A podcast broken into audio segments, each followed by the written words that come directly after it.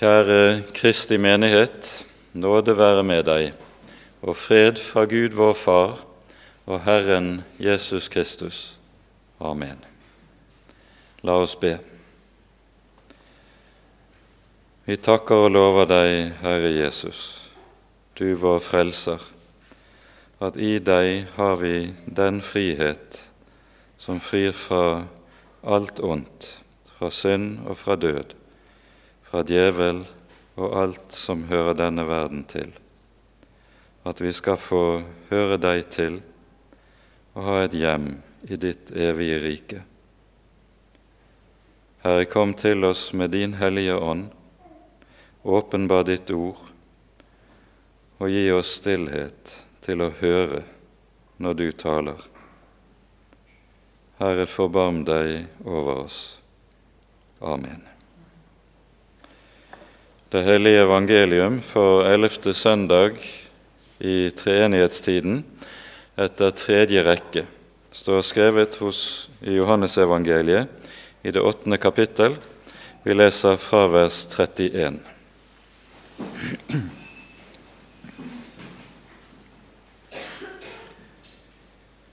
Jesus sa da til de jøder som var kommet til tro på ham, Dersom dere blir i mitt ord, da er dere i sannhet mine disipler, og dere skal kjenne sannheten, og sannheten skal frigjøre dere. De svarte ham, Vi er Abrahams ett og har aldri vært treller under noen. Hvordan kan du da si, Dere skal bli fri?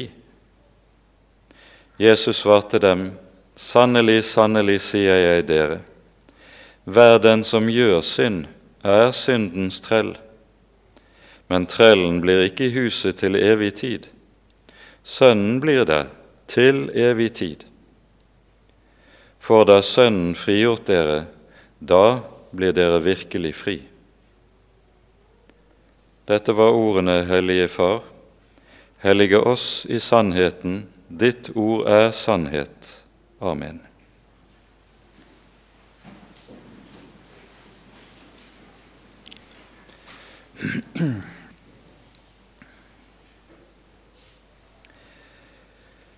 I det åttende kapittelet i Johannesevangeliet er vi med Jesus i Jerusalem under løvhyttefesten. Og vi hører at Jesus på, i forbindelse med en av de store høytidelighetene under løvhyttefesten, den lysseremonien som opplyste hele tempelet og ifølge kildene hos rabbinerne opplyste hele Jerusalem den siste natten i høytiden, så er det antagelig nettopp da at Jesus står frem og roper ut jeg er verdens lys.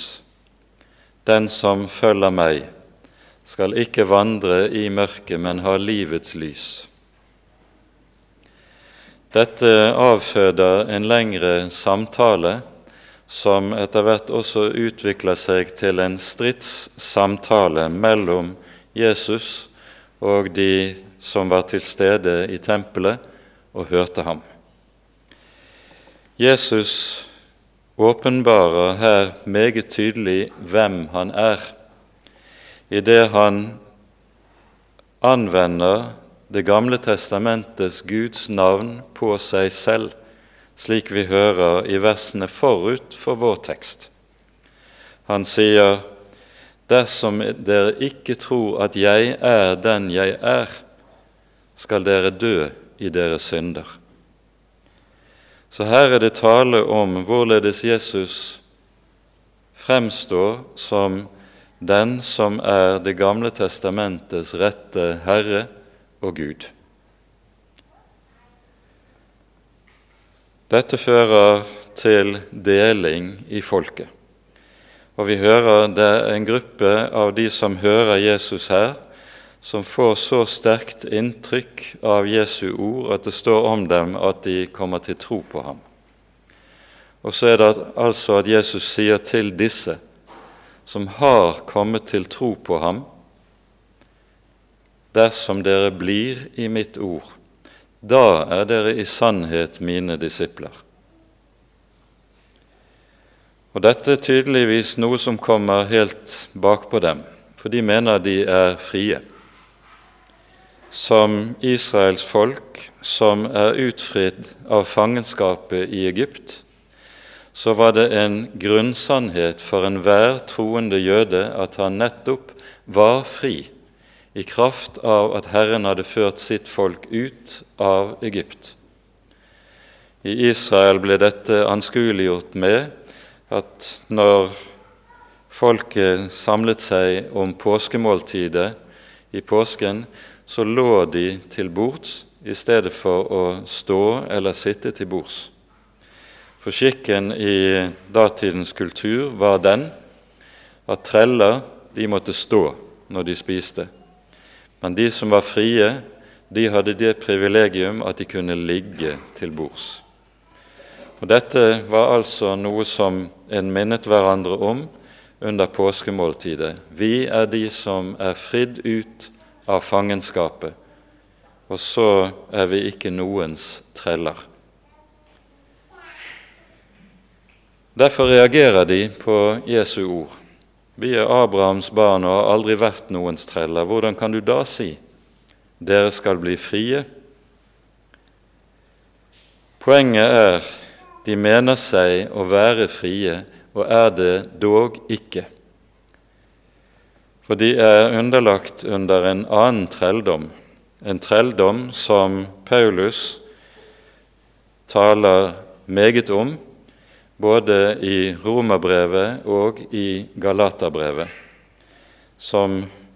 der det taler om trelldommen under loven. Og det er den trelldom som Jesus her adresserer og peker på. Og Når disse som det sies om her, de var kommet til tro på Jesus, etter hvert begynner å forstå hva Jesus har å si, ble reaksjonen meget sterk, slik vi hører det lenger ute i kapittelet, slik at Jesus må si til dem, dere har djevelen til far. Dere har slett ikke Abraham til far. Dere har djevelen til far. Tenk at Jesus altså sier til personer om hvem det sies de har kommet til tro på ham, og så får de høre dere har djevelen til far. Dette er jo en sannhet som Det nye testamentet legger inn over oss i ulike sammenhenger. At slett ikke alle som bekjenner med sin munn troen på Jesus, eier likevel det sanne livet i Gud.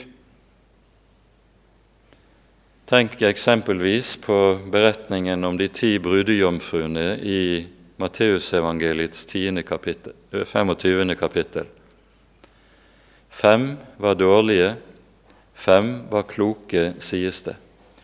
Og Disse ti de er bildet på alle dem som har den ytre bekjennelse på til troen på Jesus og hører til i den kristne kirke.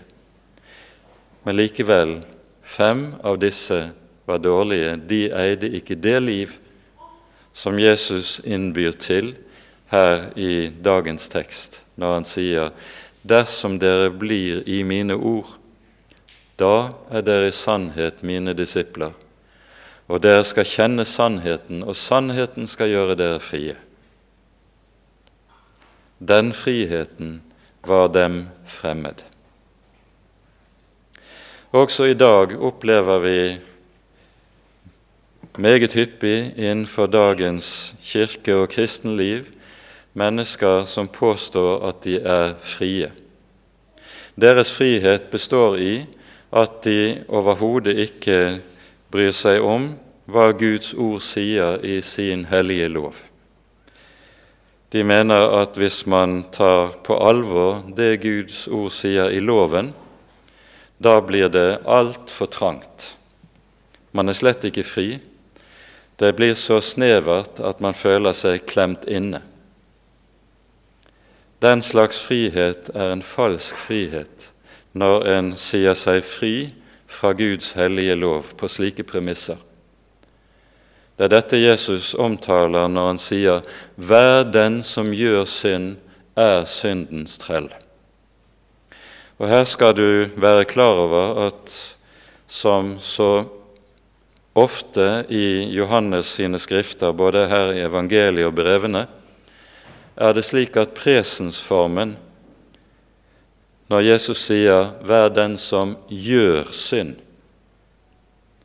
Han sier ikke 'vær den som har gjort synd' ved en eller annen anledning, men han sier 'vær den som gjør synd'. Da peker Jesus med dette på noe som er vedvarende, noe som et menneske lever i. Og når et menneske lever i synd, så søker det alltid på en eller annen måte å rettferdiggjøre seg selv. Og det moderne mennesket vil gjerne rettferdiggjøre seg selv ved å hevde at Guds bud gjelder ikke lenger. Følgelig er jeg skyldfri. Men Guds bud gjelder fullt og helt. De ti bud er ikke satt ut av kraft. De ti bud kommer til deg og meg inn i våre liv, inn i det moderne menneskets liv, og peker på oss og sier 'Du er skyldig'.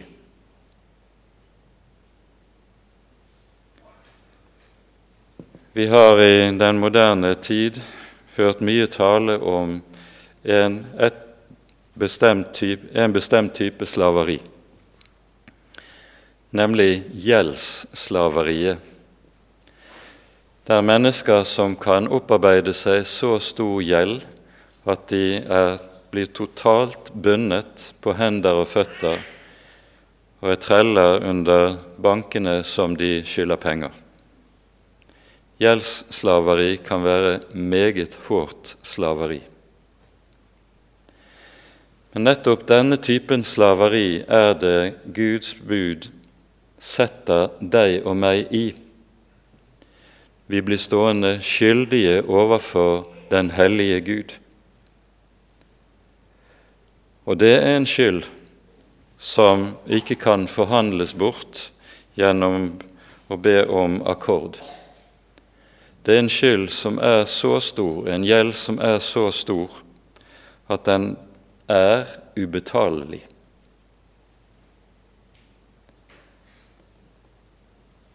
når Jesus taler som han her gjør, og gir dette løftet. Dere skal kjenne sannheten, og sannheten skal gjøre dere frie. Og følger på med å si:" Får da Sønnen frigjort dere, da blir dere virkelig frie. Da peker han på et budskap, en sannhet om Guds sønn som har det med seg, at her har Gud gitt oss en som betaler hele din og min skyld og gjeld. Du blir ikke gjeldfri gjennom å fornekte Guds hellige lov. Gud setter ikke sine bud ut av kraft. Men det han i stedet gjør, det er at han sender sin sønn for å betale hele skylden og hele gjelden noe som anskueliggjøres for deg og meg når Jesus bindes i Getsemane. Han bindes nettopp for at du skal bli fri. Han bindes og kastes inn i død, mørke og fortapelse for at du skal slippe. Det er dette apostelen Paulus taler om i Kolosserbrevet i det annet kapittel, når han taler nettopp om den gjeld du og jeg står i i forhold til Gud. Det sies om vår Herre Jesus. Han utslettet skyldbrevet mot oss som var skrevet med bud, det som gikk oss imot han tok det bort idet han naglet det til korset. Gjelden, skylden, er betalt. Du er fri. Ikke fri fordi du har fått ettergitt halvparten av gjelden, fordi han som du skylder noe, vil være hyggelig. Gjelden er ettergitt fordi det er gitt full betaling. Og det er det Jesus gjør når han lider døden på korset. Hver den som gjør synd, er syndens trell. Det er disse, det er disse treller Jesus kom for å frelse. Du som er skyldig i forhold til Guds bud, du får budskapet om at det er nettopp for deg Jesus døde. Det er nettopp dine synder som du har falt i, Jesus har tatt på seg på korset. Intet annet og intet mindre. Og så er du gjeldfri. For da Sønnen frigjort dere, da er dere virkelig fri.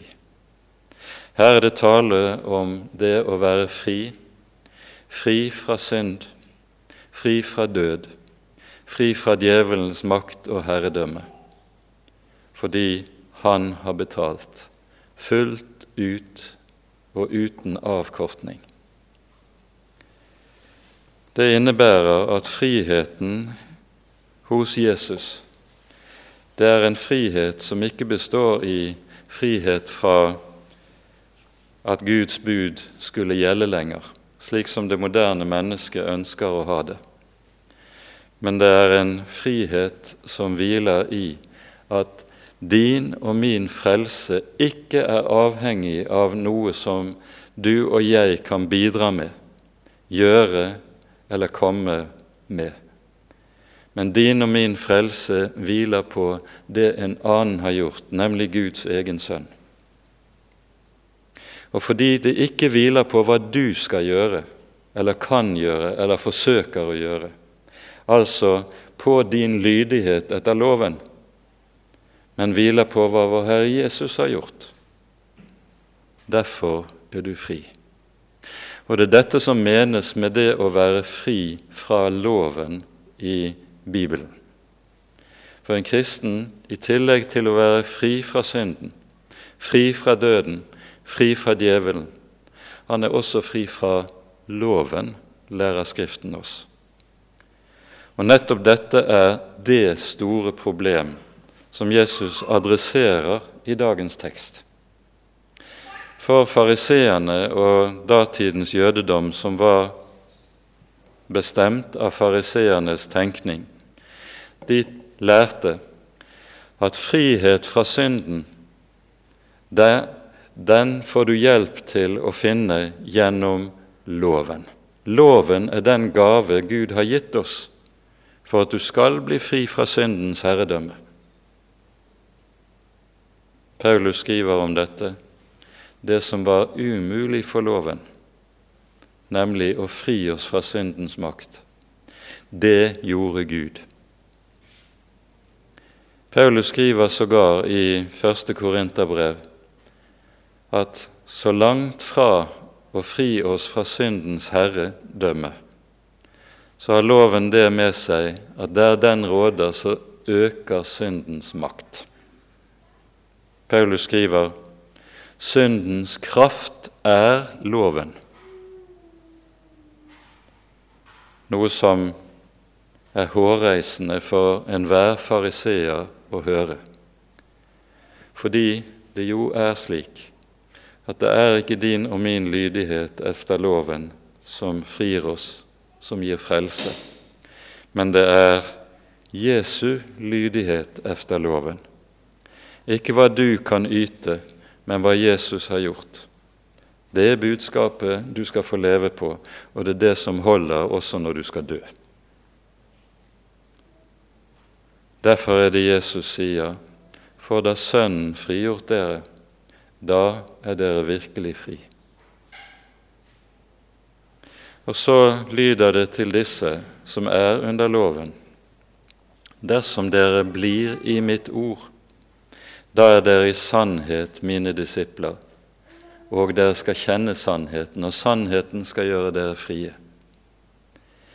Med dette så peker Jesus på noe som er helt avgjørende, nemlig at Jesu ord budskapet i evangeliet, der vi blir stille for det, der det får lov til å synke inn, så har evangeliet en frigjørende kraft i seg som gjør at der du blir i dette ord, der løses du.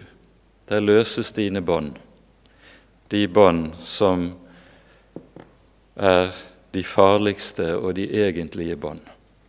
Og så er du fri.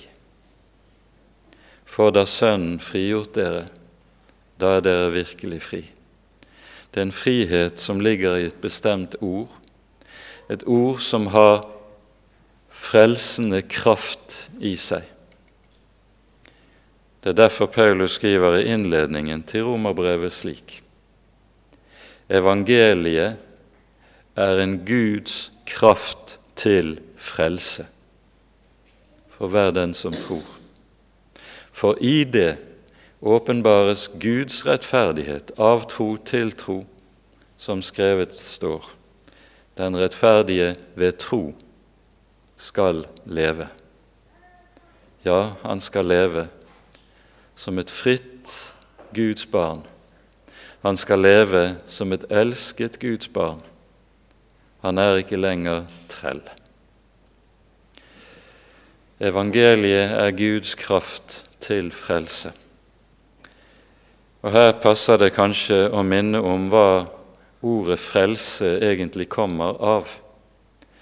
Det er et ord på, som er kommet fra norrønt. I vikingtiden var det slik at den som var trell, han hadde en jernring om halsen som bandt ham. Ble trellen fri, så ble jernringen tatt av, og han ble kalt for fri hals. Og det er ordet 'fri hals' som er blitt til vårt ord 'frelst'. For da Sønnen frigjort dere, da er dere virkelig fri. Dette er den kristne frihet som skal vernes om og hegnes om. Vernes om og hegnes om ved at evangeliet får lov til å lyde klart og rent imellom oss, og ikke blandes opp med alt mulig som du og jeg skulle bidra med for at det skal bli skikk på kristendommen. Det blir aldri skikk på din kristendom, for du har synden boende i ditt eget hjerte. Men du har en frelser som har gjort alt som er nødvendig for at du skal nå Guds rike, for at du skal kalles Guds barn, og for at du skal kunne vite med deg selv jeg er Guds elskede barn for Jesus skyld.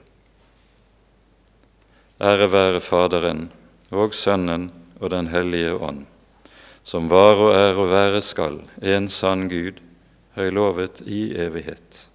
Amen. Da